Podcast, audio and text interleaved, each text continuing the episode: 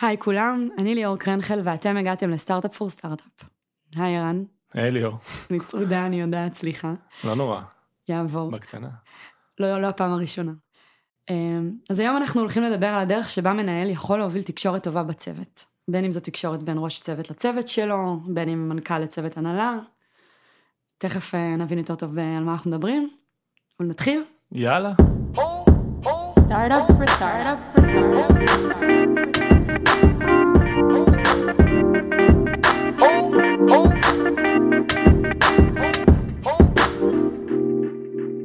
אז אולי נתחיל מזה שתספר רגע איך הפרק הזה נולד. יש בעצם קורס שממנו לקחנו את ה- את ההשראה למה שאנחנו הולכים לספר כאן היום. זה קורס שאתה אה, התחלת ויזמת בתקופה האחרונה.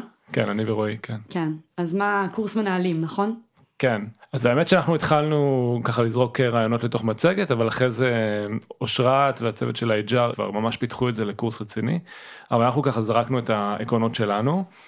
והאמת שזה נולד מתוך איזשהו כאב שהיה לנו, שככל שגדלנו והוספנו עוד מנהלים, ובטח אה, מנהלים בדרגת דירקטור או VP, אתה פתאום קולט שאנשים הם לא plug and play, זאת אומרת יכול לבוא מישהו עם אינסוף ניסיון, אבל אה, יש המון ניואנסים בתרבות.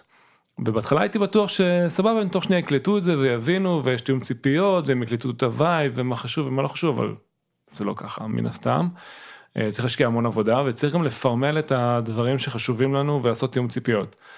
אה, בסגנון שאני אומר מנהל אני מדבר על מנהלים בכל הדרגות זה יכול להיות ראש צוות אבל יכול להיות גם אה, אני שמנהל צוות הנהלה או מישהו ב-VP שמנהל דירקטורים אז נכון. אה, זה תקף בכל הרמות. וגם אני אגיד אולי שלכל מנהל יש מנוהל, אז ה- והדינמיקה, בטח בתקשורת, היא תמיד הדדית. זאת אומרת, צריך שני אנשים לפחות כדי לייצר תקשורת, אז גם אם מישהו עכשיו מאזין והוא לא מנהל בעצמו, אבל רוצה לשנות את הדרכי התקשרות בארגון שהוא עובד בו, זה אפשר להתחיל את זה גם מלמטה. אני נכון. חושבת שאפשר להביא אה, שינוי דינמיקה מכל כיוון בארגון. אני אני אולי אוסיף עוד אה, disclaimer אחד. אה, בהתחלה שכתבתי את המצגת הזאת ובכלל שהעברתי את הקורס פעם ראשונה היה לי מאוד מאוד קשה עם זה כי כאילו מה אני אה, גורו ניהול?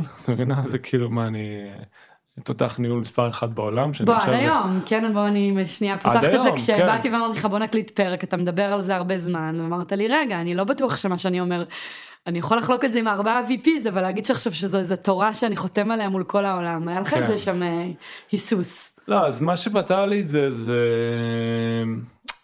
שזה פשוט עובד לנו בסדר זה אולי עובד לנו זה האופי שלנו זה מה שמתאים לנו זה לא אומר שזה מתאים לכל חברה אני לא אומר שזה הדרך הכי טובה בעולם.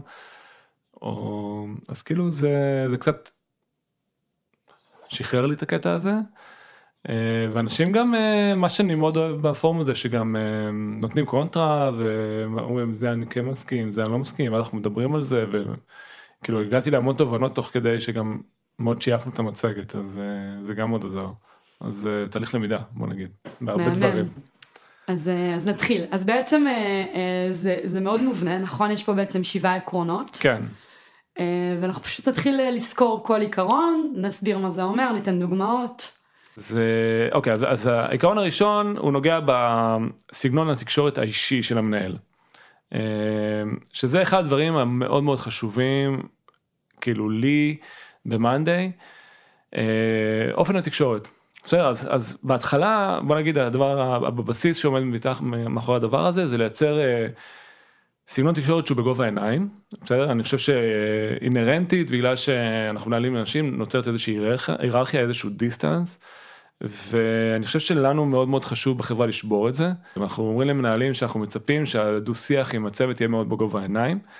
ואני רוצה שנייה להסביר מה זה אומר בסדר מה שעומד מאחורי זה זה לייצר איזושהי שותפות.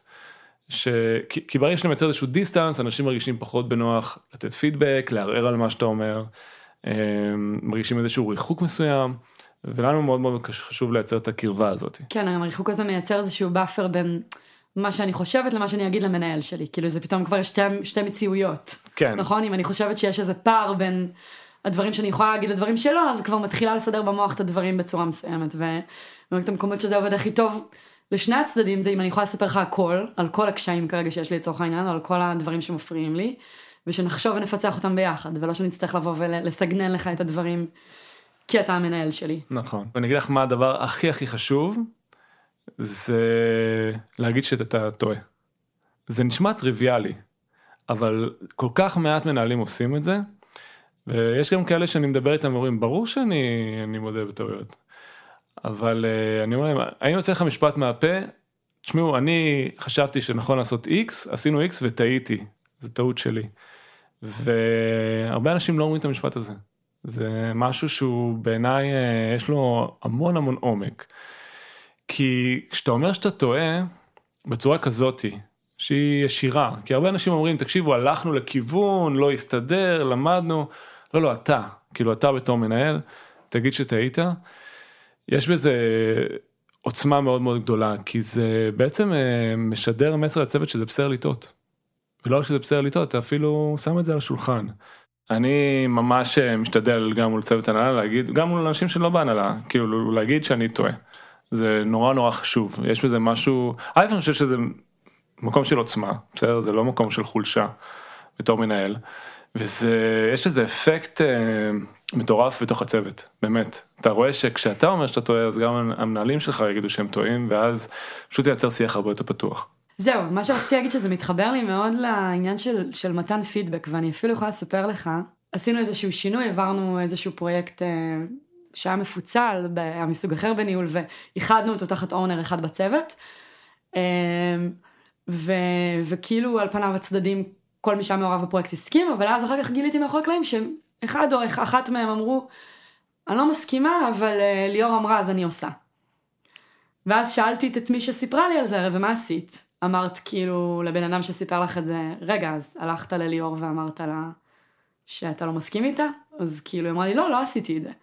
ואז הבנתי שלי יש פה בעיה, כן. כי יכול להיות שיש אנשים שהם נהיו יסמנים כי הם לא נותנים לי פידבק, והם חושבים שיותר חשוב שאני, שהם יסכימו איתי מאשר שהם יגידו לי איפה אני טועה. כן. ואז מבחינתי איבדתי את כל ה... זאת אומרת, אז אנחנו לא צוות טוב, כי איפה עוד אני עושה טעויות ואף אחד לא מראה לי אותן. בדיוק. ואז אתה עכשיו אומר, אולי הם אפילו לא יודעים ש... זאת אומרת, אני מחזירה עוד יותר את האחריות אליי. אם אני לא מודה בכל פעם שאני טועה מספיק, הם לא מכירים בפיצ'ר הזה, אז הם לא מפדבקים אותי. נכון, רואים ליאור לא טועה, היא אף פעם לא אומרת שהיא טועה, אז כאילו אנחנו... נגיד כן, ונתקדם, כן. אפילו שאנחנו לא מסכימים. כן, אז זה עקרון אחד. אה, עוד אה, מה שנקרא הסעיף השני, שזה באותה שכונה, אה, להגיד שאתה לא יודע. זה לא פשוט כי אנשים יש להם איזושהי תפיסה אוקיי ש, שהמנהל יודע שהמנהל אה, יש לו פרספקטיבה שהוא זה גם משדר ביטחון נכון כן. כאילו אתה רוצה כזה לתת את הקומפורט. אה, בעיניי ביטחון זה שאתה רואה שמישהו אומר את האמת את יודעת לא הרי אנשים. כן אנשים מזהים בולשיט בשנייה. ברור. כאילו על מי אנחנו עובדים? נכון. עלינו. נכון. אה, אז אני משתדל להגיד הרבה פעמים שאני לא יודע ואני גם מצפה שהמנהלים יגידו לי שהם לא יודעים זאת אומרת מאנשים שאני מנהל וגם מול הצוות שלהם שיגידו אני לא יודע להגיד את המשפט הזה מהפה. אני לא יודע. לי זה קורה לפעמים בצוות סביב דברים שקשורים נגיד לתנאים. אתה יודע לפעמים מישהו בא מפרספקטיבה הוא חדש בחברה הוא לא יודע משהו שאני כאילו פה כבר כמעט ארבע שנים מעולם לא שאלתי את עצמי את השאלה הזאתי. אתה יודע, לפעמים דברים השתנו תוך כדי תנועה, והרבה פעמים גיליתי שכאילו אני מרגישה בהתחלה אשמה, מה אני, לא יודעת משהו על תנאי העסקה של העובדת שלי, כאילו. כן, מה זה אומר? כן, כן, מה זה אומר עליי, בדיוק, מה לא עשיתי כאילו מלא עבודה מאחורי הקלעים כדי להגיע הכי מוכנה לכל רגע נתון אי פעם כמנהלת. כן. לקח לי זמן להגיד לעצמי וואלה, כאילו, לא יודעת, לא התעסקתי עם זה עד היום, אני אברר לך, אין לי מושג. ו... שוב, גם כאילו, מה אתה מחזיק על עצמך שאתה אמור לדעת, אתה מבין? זה המקום להיפרד ממנו. כן. אה, וזה לפעמים דברים מפגרים, כאילו. ברור, זה דמות שאתה מנסה לייצר בעצמך, אבל העוצמה בלהגיד אה, אני לא יודע, והעוצמה בלהגיד טעיתי, היא אדירה. זהו, אני חושב שעוד משהו שמאוד מאוד חשוב זה אה, לוודא שאתה נגיש, אבל אני חושב שזה לא רק נגיש ברמה האישית, אלא לייצר סביבה בטוחה בצוות. קראתי לא זוכר מתי אבל גוגל עשו איזושהי בדיקה מה גורם אה, לצוותים להיות הכי אפקטיביים. אה, יש להם אה, עולם מחקר שלם על זה לגוגל כן. נכון. ואינטואיטיבית אתה אומר אנשים הכי הרבה IQ אנשים עם פרודקטיביות הכי גבוהה. אחד מהאלמנטים שמצאו שמה שגורם לאנשים לעבוד טוב ביחד זה סביבה להרגשה של ביטחון. עכשיו זה לא ביטחון תעסוקתי או ביטחון בזה שאתה נמצא שם אלא ביטחון אולי זה קצת כן מתקשר לשני הסעיפים האחרונים אבל להגיד שאתה לא יודע להגיד שטעיתי להגיד שאתה לטעות מול אנשים אחרים כן. להביע דעתך. כמה פעמים אנשים יושבים בפגישה ומרגישים שהכיוון לא נכון ולא לא מדברים. נכון. אז אני חושב שלייצר סביבה של אה, ביטחון כאילו בתוך הצוות מול האנשים זה אחד הדברים הכי הכי קריטיים אה, באותו הקשר של לייצר נגישות אז זה, זה שלושת הדברים שבעיניי כאילו הם מאוד מאוד חשובים בשביל לייצר סגנון תקשורת שהוא לא מייצר דיסטנס אלא מייצר קרבה, בסדר? תשמעו, יש גם הרבה ניואנסים, בסדר? נגיד אני תמיד אה, משתדל אה, לא לשבת בראש השולחן, נכון. אלא לשבת בצד, אה, ולא, לא, כאילו המון דברים שהם כאילו סמלי סטטוס, להימנע מהם. כן, כי, לא אה, להיכנס אחרון לחדר, כן. כי כאילו מצפים מהמנהל להיכנס אחרון. כן, לא לתת את דברי הפתיחה, כן. כל מיני דברים כאלה. נכון. אז אני לא אעבור עכשיו על כל הדברים האלה, אני, אבל מנסה כל הזמן לחשוב על זה. כאילו כן. על מה, מה זה איך- משדר ומה זה מסמל. כן, מה זה משדר, הדברים שכדי לעשות אותם משדר זה כאילו לשדר, אני במרחק, עכשיו זה תמיד מנגנון הגנה, זה לא, אני לא צריך את זה, נכון, מנגנון הגנה כי אתה מפחד, נכון. אז אני מאוד משתדל להימנע מהדברים האלה. כן, זה גם ריספקט מהסוג הלא נכון. כאילו, אתה רוצה בסוף. שיכבדו אותך עבור הדעות שלך, עבור כן, ה... והעשייה, וה... כן, והאדם שאתה- והפתיחות, כן. כן, לא המעמד. כן. מה עם הקשבה? או, אז זה, זה, זה הדבר אה, הרביעי והאחרון בתוך הרשימה הזאת, אה, להקשיב. אה, שפה גם אני, אני, אגב, אני חושב שיש לי מה להשתפר שם ברמה האישית, כי עדיין הרבה פעמים אני מרגיש שאני, יש את התשובות ויש לי אינטואיציה חזקה לגבי הרבה דברים, אני גם מזהה את זה עליך. שמה, יש אותך מקשיב ויש אותך יודע מה אתה רוצה להגיד, ועכשיו כן. אתה כזה במין... "מהמם, למה את מפריעה לי אה, להגיע לדברים אני- שיש לי אני- להגיד? אני אני אתן לך לסיים את הזמן אוויר שאת צריכה, אבל אני כבר יודע מה יש לי להגיד לך בסוף השיחה. כן. אה, זו תכונה שלי לא טובה, אה, שאני עובד עליה. אה, כי להקשיב באמת זה באמת אה, לנסות להקשיב לצד השני. נכון. אה, ולנסות להבין מאיזה מקום הוא מגיע ולא להמתין שיגיע תורך בשביל להסביר לו למה הוא טועה. איך אתה מזהה שאתה מקשיב באמת? כאילו... אז א', באמת שאני לא חושב מה ה-counter ה-argument שלי, אלא שבאמת אני מקשיב. והכי, אוקיי, אתן לך את הטיפ הכי טוב שקלטתי, שאני ממש ממש מרגיש שאני יודע מה התשובה, אני התחלתי להגיע למקום שאני אומר, רגע, אני כל כך קיצוני בדעה שלי נגד, או בכיוון אחר, שיש מצב שאני מפספס משהו גדול. אתן אפילו דוגמה אחת ספציפית, נגיד, אה, לא היה לנו עד היום בונוסים בחברה, והשנה עשינו פעם ראשונה בונוסים. נכון. אני ממש הייתי נגד בונוסים, ממש. לא שאכפת לי לתגמל את האנשים, אני בכלל אמרתי בוא ניתן לכולם בונוס אוטומטי בתחילת השנה. בלי, בוא ננטרל את האפקט של הפרפורמנס. פחדתי מהמון המון דברים. פחדתי שהבונוס אה, יהפוך להיות חזות הכל, פחדתי שזה ינעל אותם על KPI אחד וזה ימנע מאיתנו להיות גמישים, אם באמצע השנה ה-KPI משתנה, אז מה זה אומר, אני לא אקבל את הבונוס, עכשיו פתאום מודדים אותי אחרת. ואמרתי אנשים אצלנו הם לא צריכים בונוס הם לא צריכים אה, מוטיבציה כאילו בוא ניתן להם את זה בתחילת שנה קחו את הבונוס. לא אכפת לי. מהמם. והייתי ממש נחרץ וזה אני חושב שזה יצר אה, דינמיקה לא טובה בהנהלה כי המון מנהלים היו בעד זה. ולא באמת הקשבתי כאילו הייתי ממש נגד זה. אבל אז אתה אחרי שהבנתי שאני לא מקשיב וניסיתי כן להקשיב אז פתאום מבין את הקשיים שיש להם נגיד בגיוס מול חברות אחרות וכל החברות האחרות כן מביאות בונוס אז המועמדים משווים תפוחים לתפוחים. כאילו אתה אומר הקשבה עוברת דרך אמפתיה. כן. כאילו ברגע שהצלחת להבין איפה הם נמצאים, אז יכולת למצוא משהו אחר. קודם כל אני צריך להבין שאני צריך להקשיב. כן, ולא רק לכפ...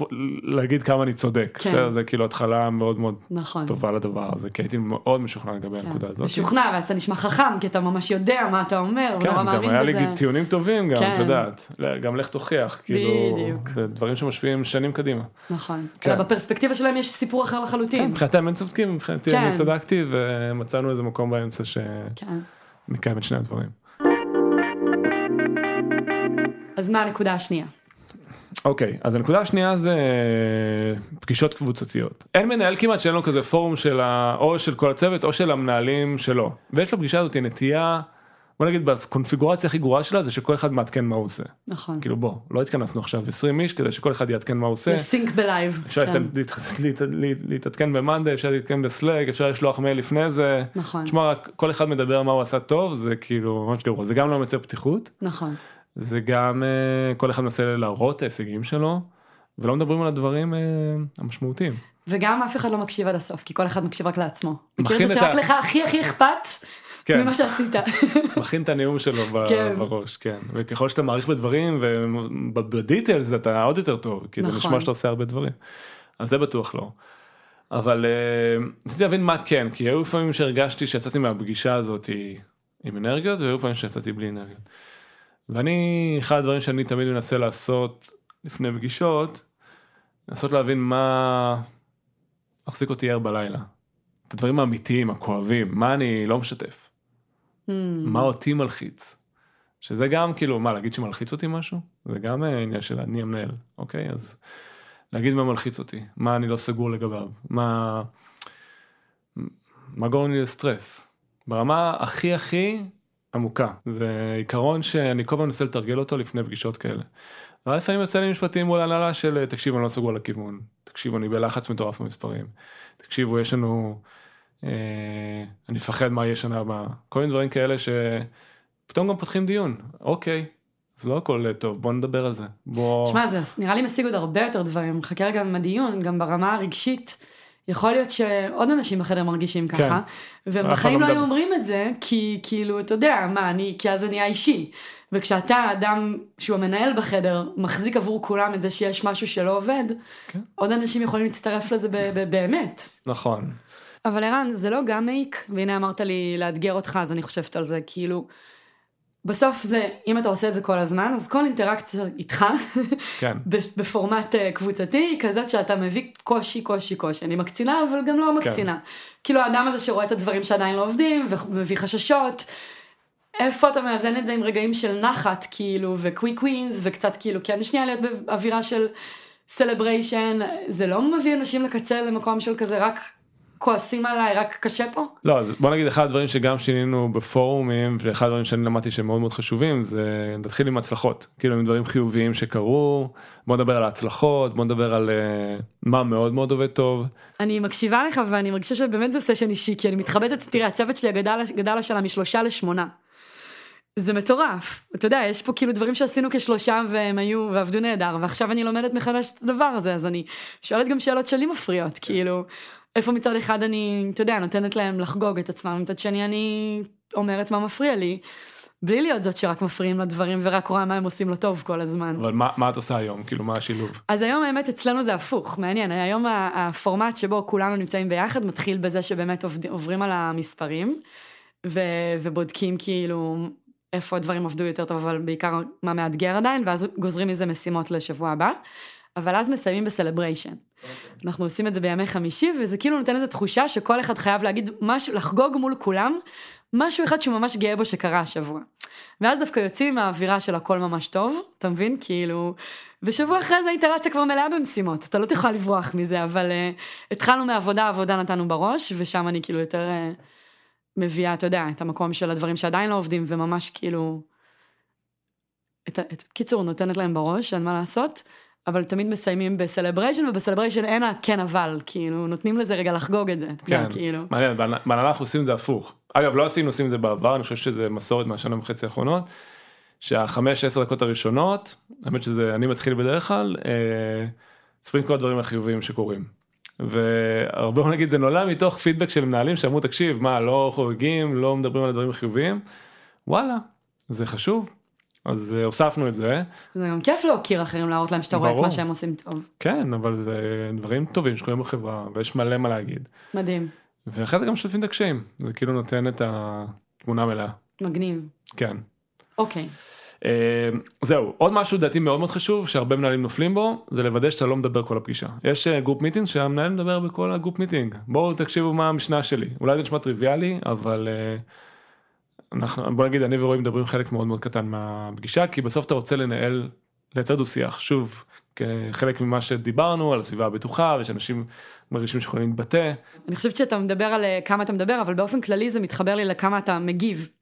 כן כי יש איזה מקום כזה, שוב, כמנהלת שרוצה לתת את האינפוט, ותמיד כזה להוסיף אחרי כל אחד, אבל ולהגיב למה כדי לתת. למה להוסיף ואז, אתה זוכר שפעם אמרתי לך, כאילו עדיף שזה לפעמים יישאר לא מדויק, כן. אבל יישאר של האדם שדיבר את זה, מאשר שתדייק את העוד אחוז הזה, אבל תיקח ממנו את ההצלחה, כי עכשיו אתה דייקת ואתה אמרת את זה הכי מדויק, וכולם כאילו אומרים זינמן יודע.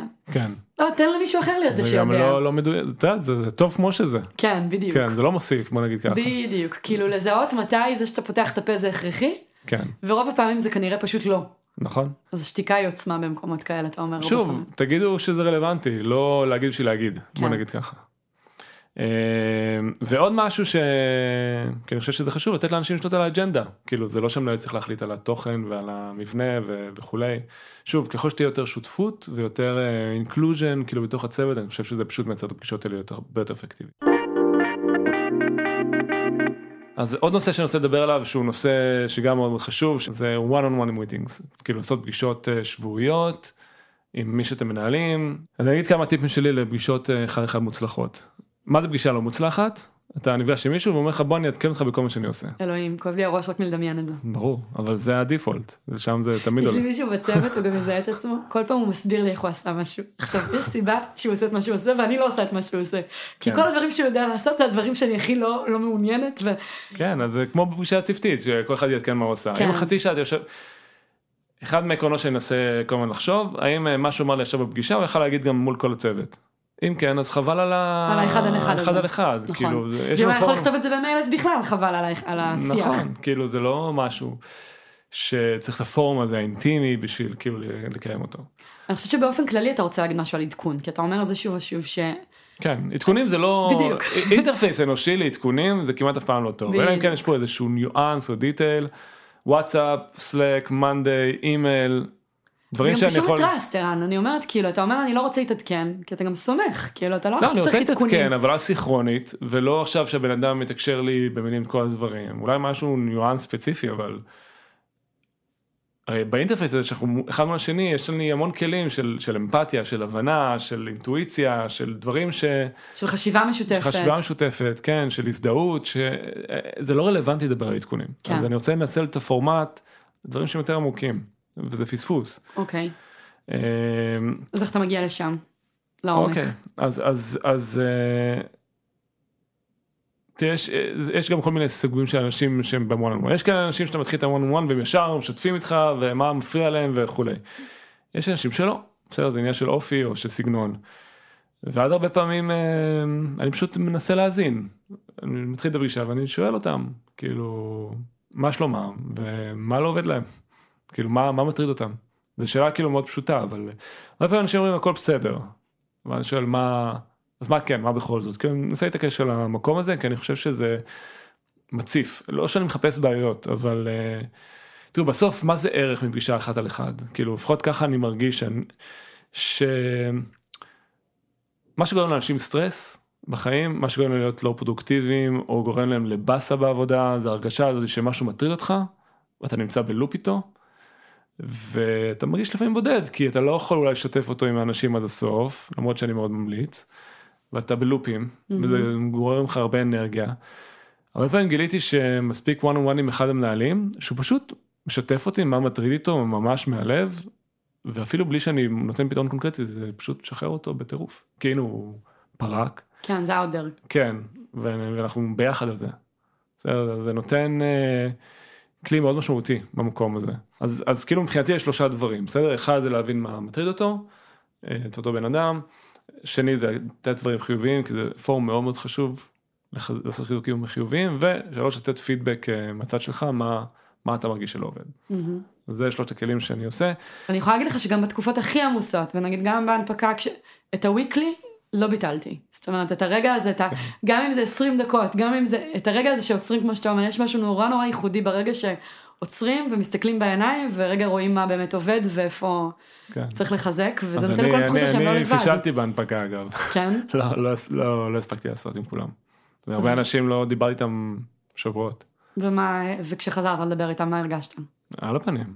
את יודעת, יצאנו מסנכרון, אה, לא דיברנו על דברים, זה יצר ריחוק. זה גם מייצר אה, נראה לי misalignment כזה, כי כאילו יש איזה ציפיות פתאום שהן לא מתוקשרות, נכון? כן. אתה כאילו אומר אמור לקרות משהו אחד, אבל לא אמרת את זה לבן אדם, כן. אז אתה מסתובב עם משהו אחד שבועות והוא מסתובב עם משהו אחר. עכשיו אנחנו מחזירים את זה. זה חזר כאילו ה-one on one וזה... שוב, זה, זה קריטי. לא, היית- זה זמן שבעיניי הוא מאוד מאוד חשוב. לא היית מוותר עליו. לא. אוקיי, הגענו לסעיף פידבק. כן. הרביעי. כן. אז פידבק זה אחד הכלים הכי הכי חשובים. אבל בוא נגיד אחד הדברים הכי חשובים אה, זה לתת פידבק אה, על המקום בעיניי כאילו כמה שזה יותר מיידי וקשור לאירוע זה יותר אפקטיבי וזה מאוד מאוד קשה כי מה עכשיו אני אשב עם בן אדם אה, ולתת פידבק כנה. אחד הדברים שאני עשיתי לא טוב בעבר ואני ממש עובד עליהם זה ש... נתתי כזה פי- פידבק אה, פתל- פתלתל כן, מתנחמד, מתנחמד כן נכון. כי... בוא, וילך עם עצמך עד הסוף, ולפעמים נתת פידבק חצי שנה אחרי. אני זוכרת נכון. פעם אחת שסיפרת לי שמשהו יושב עליך כבר חצי שנה. לא, נכון. וכעסתי עליך שלא יכול להיות שאתה כאילו פוגש אותי על בסיס שבועי ומחזיק עליי משהו חצי שנה שאתה לא אומר לי אותו. נכון. זה משהו שבוא נגיד אה, היה לי מאוד קשה איתו. כי אני עובד עליו עד היום מאוד, אבל אני חושב שאני משתפר. גם לתת על המקום וגם אה, לתת פידבק חד. ביושרה, כן. כן. תראה, זה לא... זה לא ש... כאילו אני חשבתי שאם אתה עוטף משהו, יהיה לאנשים יותר קל לבלוע את זה. בסדר? כאילו, לעדן את זה טיפה, לעגל את זה. הבעיה שאנשים שלא קולטים את המסר. נכון. כאילו זה לא חד. אז אה, אתה יכול לצאת מהשיחה להגיד הנה העברתי לו את הפידבק שמאוד מאוד הציק לי אבל אותו בן אדם שסיימת איתו את הפידבק הוא אומר אה היה אחלה שיחה. נכון. לא. אני אמרתי לך על זה פעם משהו, שאני עובדת איתו הרבה, מהמקום של, גם אם לא כפורמט קבוע, אבל אחד לוודא שיש דוגמה, ולא רגשות, כאילו אנשים כל כך הרבה פעמים, כן. אה, לדעתי אמרת את זה מהמקום הזה, כאילו בוא נביא, נביא הבנה ונביא דוגמה ששנינו מסכימים עליה לפני שמתחילים פידבק. ואז מין, אני תמיד משתדלת להביא איתה מה אתה יכול לעשות עם זה, אבל גם מה אני יכולה לעשות עם זה. אפרופו מה שאתה אומר על פתרונות, לא להישאר במקום של פידבק של הנה זה היה לא טוב, עכשיו תחנקי עם זה או תחנק עם זה, אלא מה בעיניי אפשר לעשות אחרת, ומה אני הייתי יכולה לעשות אחרת. ואז זה מביא את האחריות בחזרה לאינטראקציה בינינו. כן. אה, איפה אני טעיתי בדרך, איפה אני לא הייתי מספיק בהירה, איפה אני יכולתי on the spot לעשות משהו. אה, או, או אפילו להגיד מה שאני יכולה לעשות אחרת זה להגיד לך עכשיו שזה קורה ותדעי כאילו לזהות את זה הלאה, אבל זה נותן בעיניי מאוד תחושה של כאילו אתה לא מפדבק ומשאיר בן אדם לבד בחדר, אלא מפדבק ומחזיק איתו את, הט- את הטעות הזאת. כן. אני אגיד לך יותר מזה אני חושב שאחד הדברים שאני למדתי שמאוד מאוד מאפשרים פידבק. זה לא להאשים את הצד השני אלא פשוט להגיד מה זה גרם לך. נכון, זה גרם לי לחוסר אה, ודאות זה גרם לי לסטרס. נכון, ותראי בסוף שאתה מדבר על איך זה גורם לך להרגיש אז אין פה עניין של ויכוח נכון. כאילו אין פה עניין של אה, בן אדם עכשיו שמרגיש שהאשמת אותו במשהו אלא נכון. יש לו איזשהו רפלקשן של התוצאה של מה שהוא עשה למרות שזו לא הייתה כוונה. נכון. אז אם אני אוספת את זה שנייה, כי יש פה ממש מבנה מגניב שיצרנו בינינו, כן. זה לדבר על סיטואציה שקרתה, זאת אומרת לא חלמתי בלילה וזה גרם לי להרגיש, אלא כן. הנה היינו בשיחה עם כולם וכשאמרת כך וכך, אני הרגשתי כך וכך, ואני חושב שפעם הבאה את יכולה כך וכך, ואני אומר שכך וכך על עצמי, כאילו, כן. ואז מין נוצרת גם כאילו באמת אתה אומר אין פה אגו, כי דיברת על רגשות שכאילו אי אפשר להתווכח עם זה שהרגשת לא טוב עם משהו, זה מוריד את המגננות אולי, כן. וזה חולק את האחריות, שוב, כאילו, כן.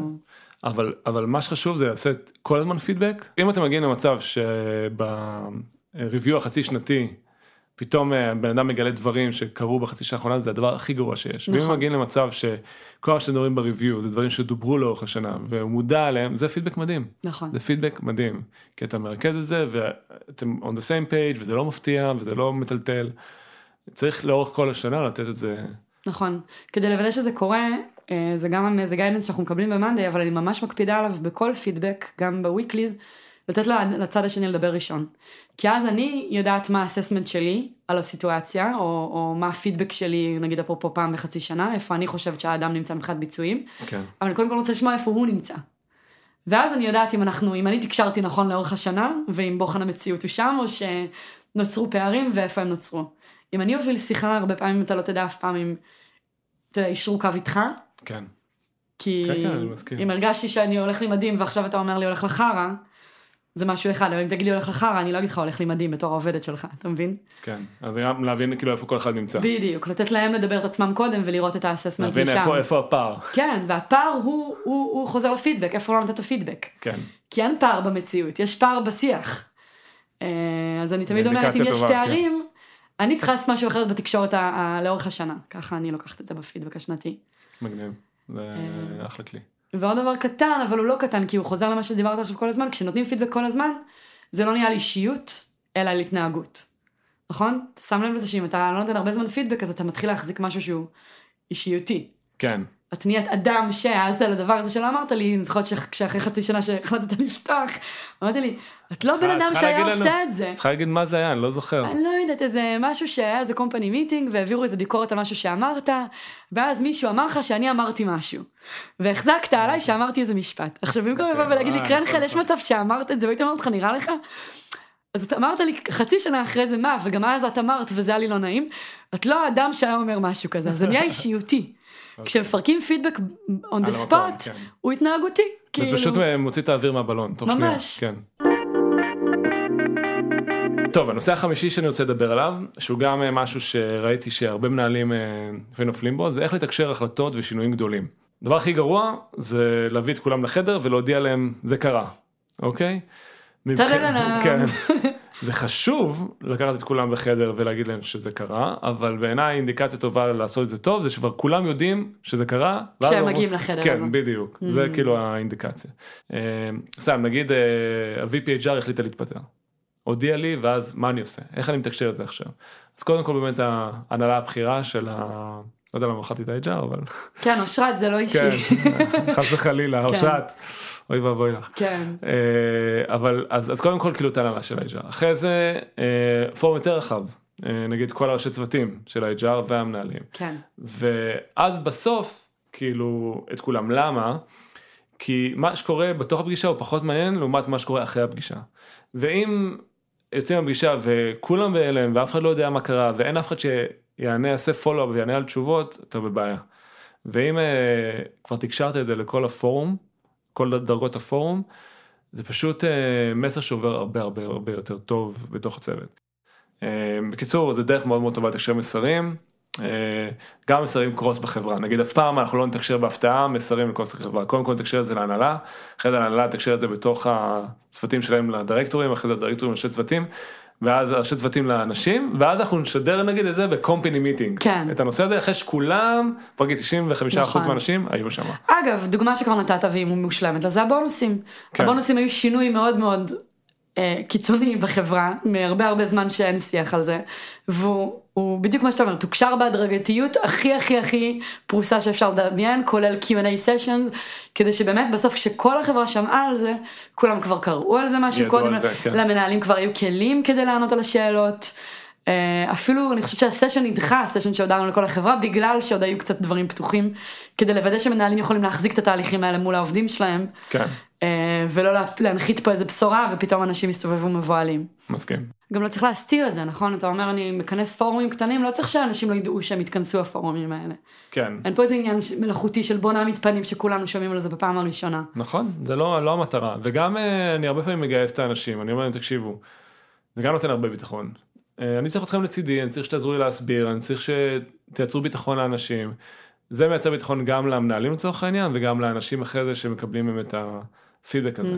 אז אה, זה כל מיני טכניקות אה, איך לתקשר שינויים והחלטות אה, גדולות בצוות בחברה וכולי. זהו נעבור לעיקרון הבא כן, עיקרון מספר 6 לא לעשות חשיפות גדולות. כן, יש מילה שאנחנו אומרים פה בחברה קוראים לה unveiling שזה אחד הדברים שאנחנו הכי הכי מנסים להימנע ממנו. מה זה אומר? מישהו נגיד מקבל איזושהי משימה לעבוד על פרויקט גדול. סרט, פרויקט, מוצר ולא יודע למה לאנשים יש נטייה אנושית לעבוד על משהו המון המון המון זמן לשאף אותו לעצב אותו ואז בסוף שזה מוכן לבוא מול פורום של 30 איש ולעשות unveiling מה שאנחנו קוראים לו להציג את זה. והם מקווים, ושם זה הנטייה האנושית לקבל שם כל הכבוד, יפה מאוד, הצלחתי, כן. אבל ככל שעובר הזמן, והדבר הזה יותר בינם לבין עצמם, יש יותר חששות לקראת המעמד הזה. כן. נכון? כאילו הזמן פה משחק נגדם. ברור. מה, עבר חודש, אני אמור להראות פה סרטון מפונש. מצגת מטורפת. מה זה, אם הפיצ'ר לא סגור ולקחתי כל כך הרבה זמן, אז על מה לקחתי את הזמן? אז אני אקח עוד שבועיים. נכון. זאת הנטייה. אז אה, ולא נשאל שאלות באמצע, זה חלק מה-unveilings, כמה שפחות שאלות, כן. כדי להראות שאתה יודע, כאילו זה ממש כזה להתוות דרך שבה אתה על זה, כאילו לכאורה זה ownership, נכון? כאילו כן, זה כן. אמור ל... ל- ל- יש הרבה רציונל מאחורי למה עושים את זה, אבל אז תתאר רגע unveiling ממש ממש גרוע. כן, לא, המבן גרוע זה שאתה נותן פרויקט למישהו בתור מנהל, והוא הולך לעשות אותו, ואחרי חודש אתם נפגשים, ואז יש פורום ענק, נגיד איתי ועם רועי, וכמה VPs ואנשים מהצוות, ואז פותחים את השקף הראשון, פותחים את השקף השני, ואז אני אומר, תקשיבו, זה לא בכיוון. לא היינו צריכים לעשות ככה בכלל, לא הבנתם מה אני מנסה להשיג. הכי גרוע שיש. מה הבן אדם מרגיש? כישלון מטורף, מטורף, בזבוז זמן מטורף. בזבוז זמן, אכזבה. אגב, לפעמים קשה להודות כבר, כי אתה כל כך מאוהב במה שכבר עשית, בטח. שכאילו, אתה תגן על זה, לא יכול להיות שזרקתי חודש לפח. כן. אז אה, ניהלנו כזה פה מעין שם קוד בחברה, אל תעשה unveiling. זאת אומרת, אחד הדברים שאני תמיד אומר למנהלים, אוקיי, נתתם את המשימה למישהו, למחרת בוא נפתח קבוצה במאנדיי, בסלק, בוואטסאפ, תגיד לו בן אדם, מה שיש לך ראשון, שלח. כן. שלח. את המחשבה הראשונה. המטרה שלי שכשמגיעים לפגישה, אולי קצת מהקשר לנושא הקודם, וכולם ידעו מה התוצאה. בסדר? כי הם כאילו- יהיו חלק כי הם חלק מהתהליך. מהתהליך. נכון. וככל שאנחנו נצליח לעשות, לרתום אנשים תוך כדי התהליך, מורידים את הסטרס, מורידים את הסיכוי לטעות. אני אתן לך עוד דוגמה. היה לי פעם עובד שהיה אמור לכתוב מאמר, וחזר אחרי שבוע וכתב שישה מאמרים. עכשיו פשוט הקו שהוא לקח, הפורמט של הכתיבה היה לא נכון. כן. זוכרת שלי כמנהלת היה מאוד קשה לתת פידבק של אתה פשוט לא בכיוון ובזבזת זמן על שישה מאמרים, אז גם אני בסוף מצאתי את עצמי כאילו מתנחמדת, כי כמה קשה תגיד לו שהוא לא בכיוון, אל מול זה שהוא היה כותב אחד, היינו אומרים מה בפורמט לא עובד, ואז הוא היה מייצר את הבא בתור. כן. כאילו הקטע הזה של כתבתי שישה למגירה ורק עכשיו אני מראה לך אותם, זוכרת שאני התבאסתי כי, איך אתה נותן פידבק עד הסוף ואומר ששישה גרועים? כן. והם גרועים עוד פעם כי הם לא בכיוון, לא כי אני לא אוהבת אותם, כי זה לא, זה לא הקונספט, אתה מבין? זה לא הפורמט, לא לזה התכוונו. אבל אני אומר, האחריות פה גם על המנהל. כאילו נכון. לבוא לבן אדם ולהגיד, אה, אוקיי, קח את הפרויקט, אבל תשתף לאורך כל הדרך. אני רוצה מחר לראות את הדברים, בוא נעשה תיאום ציפיות. נכון. זה אחד העקרונות הכי חשובים פה. פשוט חוסך זמן בצורה מטורפת, ועוזר לעשות המון המון מיקרו אג'אסמנט, שאת יודעת, איך אה, פעם שמעתי איזושהי הרצאה, ואתה יודע, מטוס שממריא מ... סתם נגיד משיקגו ואמרו לטוס לניו יורק, הוא קובע איזשהו מסלול. מספיק שהוא בשתי מעלות אה, ייקח מסלול לא טוב, אז בכלל זה לא נורא, אבל אחרי אה, הולכת וגדלה. אלפי קילומטרים נכון. הוא כאילו יגיע למקום אחר לגמרי. יש כלי ממש ממש פשוט שאני למדתי מכם, וזה לשים אה, פגישות סטטוס ביומן על פרויקטים כאלה. כאילו אם זה משהו שיש לו נגיד אה, תוך שבועיים צריך להיות מוכן, אז פעם ביום בוא נתעדכן עליו. כן. בוא נראה את התוצר פעם ביום. אני אגיד לך יותר מזה, הכי אני אוהב שאומרים לי, טוב יש פגישת עדכון שבוע הבא, המצגת מוכנה. אני אומר להם אז אה, תשלחו. אני רוצה? לקרוא את זה לפני המצגת, לפני הפגישה.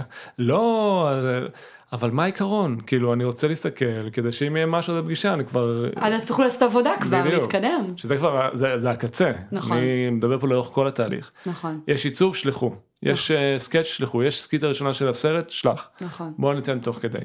אז אנחנו תמיד, אה, אני תמיד מול המנהלים שלי, כאילו אומר, אל תעשה unveiling, בוא נשתף תוך כדי, וגם המנהלים מול האנשים, אני חושב שזה אחד העקרונות הכי חשובים בשביל לייצר עבודת צוות, לזוז הרבה יותר מהר, אה, ולעשות עם ציפיות, נכון. תוך כדי. אוקיי, אחרון חביב. זהו, אחרון, זה לגבי אה, איך עושים אה, דיונים יותר אפקטיביים. העיקרון האחרון של דיונים מובנים. דיון טוב בעיניי הוא מכיל את ארבעת החלקים האלה. אחד זה להציג מה אנחנו מנסים לעשות, למה אנחנו, מה הבעיה שאנחנו מנסים לפתור, למה התכנסנו, מה המוטיבציה מאחורי הנושא. פשוט להציג את זה, שנסכים על זה. הרבה כן. פעמים, וזה מטורף כמה פעמים, אנחנו לא מסכימים על הבעיה. על הבעיה, ואז מה, מה יש לדבר על הפתרון או על הכיוון. נכון. אז ממש כל דיון אנחנו מכריחים כאילו להבין מה הבעיה שאנחנו מנסים לפתור. אמ, שתיים זה באמת להוכיח שיש בעיה עם דאטה עם תובנות עם אינטואיציה כי הרבה פעמים אומרים תקשיב יש בעיה ב... אה, customer success ב... לא יודע בשעות הלילה אוקיי אז בואו באמת נבין שזה באמת הבעיה כי כן. אנשים יש להם נטייה להמציא או כן. לשמוע אנקדוטה מ user ולהחיל אותה על כל האוכלוסייה אז אה, לקבל איזשהו- איזשהו ביטחון שבאמת יש בעיה אז להסכים על הבעיה ולהבין שיש בעיה עם data הרבה פעמים. אה, ואז מבחינתי תוצאה טובה של הדיון זה למצוא framework של אה, לקבל החלטות בעתיד. אה, מה זה אומר? אני מאוד מנסה להימנע מפתרונות קונקרטיים. אה, נגיד באים אליי אנשים, אה, תקשיב אה, אנחנו רוצים לפתוח אה, site בברזיל. כן או לא? מה? איך אני בכלל ניגש לזה, כן. כן, מה? נכון. כאילו... אז אה, אבל אומרים טוב אנחנו צריכים אבל להתקדם צריך להחליט. אומר, אוקיי בואו נעבוד לפי העיקרון הזה מה הבעיה שאנחנו מנסים לפתור. כאילו למה בכלל הגענו למקום שאנחנו צריכים לפתוח עוד site בוא נסכים על הבעיה בוא נבין את ה data שתומך בבעיה הזאתי. ואז התוצאה מבחינתי זה לא להחליט על ברזיל אלא מה ה framework כדי שמחר ה-VP Sales או ה-VP Partners יוכלו להחליט בברזיל או בארגנטינה או בלונדון על דעת עצמם. נכון. אני לא רוצה לקיים את הישיבות האלה יותר, אלא אם כן אנחנו רוצים לשנות את ה framework. אז מה זה framework? להגיד, לכל אה, מדינה לדוגמה שיש בה GDP מעל X, מומנטום של לקוחות מעל Y ועלות שכר מתחת ל-Z, מבחינתי קבלו את ההחלטות בעצמכם. נכון. יש לי דוגמה כזאת עכשיו עם אה, נועה שהיא מנהלת את הקהילה שלנו בוק ובעיה טובה יש לנו מאות אה, בקשות חברות ביום. והיום אה, בפייסבוק אתה חייב לאשר ידנית, ואז אנחנו מגיעות למצב שהיא לא מאשרת על בסיס יומי, כי אחרת היא צריכה לשבת ויש כל מיני קריטריונים, אבל אז אנשים הרבה זמן לא מקבלים תשובה. אז אפרופו מה שאתה אומר, היא באה אליי עם פתרונות קונקרטיים, מהרגע שעצרנו ואמרנו, רגע, מה העקרונות? העקרונות הם שיקבלו חוויה טובה, שאת לא מגלגלת את הבעיה על היוזרים, נכון? אנחנו לא רוצים... ואז עכשיו תבוא עם פתרונות וננסה אותם, כן. אבל כל עונים על כל אחד מהפרמטרים שהגדרנו כחשובים. ולא בואי אליי עם פתרון, אני אגיד לך אם הוא טוב או לא טוב. בדיוק. אה, כי אז גם, כמו שאתה אומר, נקודתית כל פעם נבוא אליי עם, כאילו, עם שאלות, גם אין לי תשובות. אז בדיוק, את לוקחת וגם לא אפקטיביים יותר. את לוקחת עונש ברגע שאת החלטת, אוקיי בוא נעשה את זה, אז כאילו זה עלייך, זה נכון. ייכשל, זה עלייך, זה לא יצליח, זה נכון. עלייך. אין לבן אדם גם את הכנפיים בעצם לשנות כיוון, לשנות נכון. את ה... להבין מה העקרונות שהנחו ולחפש בכיוון אחר, זה כאילו נורא נורא מקצץ. בדיוק. אז... אה, אז זה מקום של, אוקיי, מה הערכים שחשוב לנו לקיים בפתרון שאת חושבת עליו? רוצי. כן, ואגב, אל תחשבי, עכשיו תנסי כל מיני עד שתמצאי אחד שעובד, כאילו, לגמרי. כל עוד משמרת את הערכים האלה. כן, עוד דוגמה, אני אתן לך, אה, כינסו ישיבה 30 איש, הוצאנו feature חדש, ולא ידעו באיזה tier לשים אותו ב Pro ב Enterprise. או, נפלא, עכשיו אפשר שעות להתדיין. איזה ישיבה מיותרת. נכון. ורבנו שם, וזה, ואז אתה אומר, טוב. הבעיה זה שאין framework, למה? כאילו, בסוף אני רוצה שהצוות, יוכל לזוז מהר ולבד ש- ולהחליט שיהיה על כל להם ברור feature. לאיזה tier נכנס. אז כן. זה לא להחליט עכשיו על feature X, נכון. איפה הוא נמצא, אלא מה מאפיין כל אחד מה tiers, ותקבלו את ההחלטה בעצמכם. אז זה דוגמה ל framework, אבל בקיצור, זה המבנה שאנחנו מנסים אה, לייצר בכל אחד מהדיונים, להציג מה הבעיה, לתמוך בזה בדאטה או באנקדוטות, ולמצוא framework לפתרון, ושוב, הכל תוך כדי דיון. כאילו מבחינתי מצגת טובה עם כמה שקפים שמכסה את כל הדברים האלה, ו... ואז הרבה, כמה שיותר אה, זמן דיון. פשוט לדבר, להסכים כן. על הבעיה, להסכים על אה, להציע פתרונות, נכון. לתת לבן אדם לרוץ. אין משהו יותר מתסכל מזה שאתה יושב, שומע בעיות של בן אדם, ואז נגמר הזמן, צריך ללכת ולא היה לך זמן בכלל כן. לתמוך, להגיד מה לשמוע אתה חושב, אנקדוטות, כן. לשמוע מה קורה, כן. אוקיי, גם נגמר לנו הזמן. כן. נגמר לנו הזמן, אה, אבל גם נגמרו לנו הסעיפים. כן. איך אתה רוצה לסגור את זה? זה אחד הדברים הכי מדהימים שיצאו מהקורס הזה. זה שפה. להגדיר שפה, אני בא לבן אדם, אומר לו, תקשיב, עשית unveiling. אה, אוקיי, נכון. כי דיברנו על הקורס. כן. כן. אה, אז אז זה מדהים, כאילו, זה זה ממש מאפשר את זה. ואז פשוט אתה, במילה אחת יש עומק מאוד גדול שדיברנו עליו, ואז אה, זה מתחבר למשהו קונקרטי שקרה, וזה ממש בתנאי התנהגות. מדהים. טוב, עם זה אפשר לסיים. יאללה. אני אזכיר שאם יש לכם שאלות, אה, אתם מוזמנים לשאול אותנו בקהילה שלנו בפייסבוק או באתר. ערן אפילו נמצא שם גם. כן. כשהוא בפייסבוק הוא גם שם. וזהו, תודה ערן, תודה ליאור. תודה שהאזנתם. Startup for startup for startup.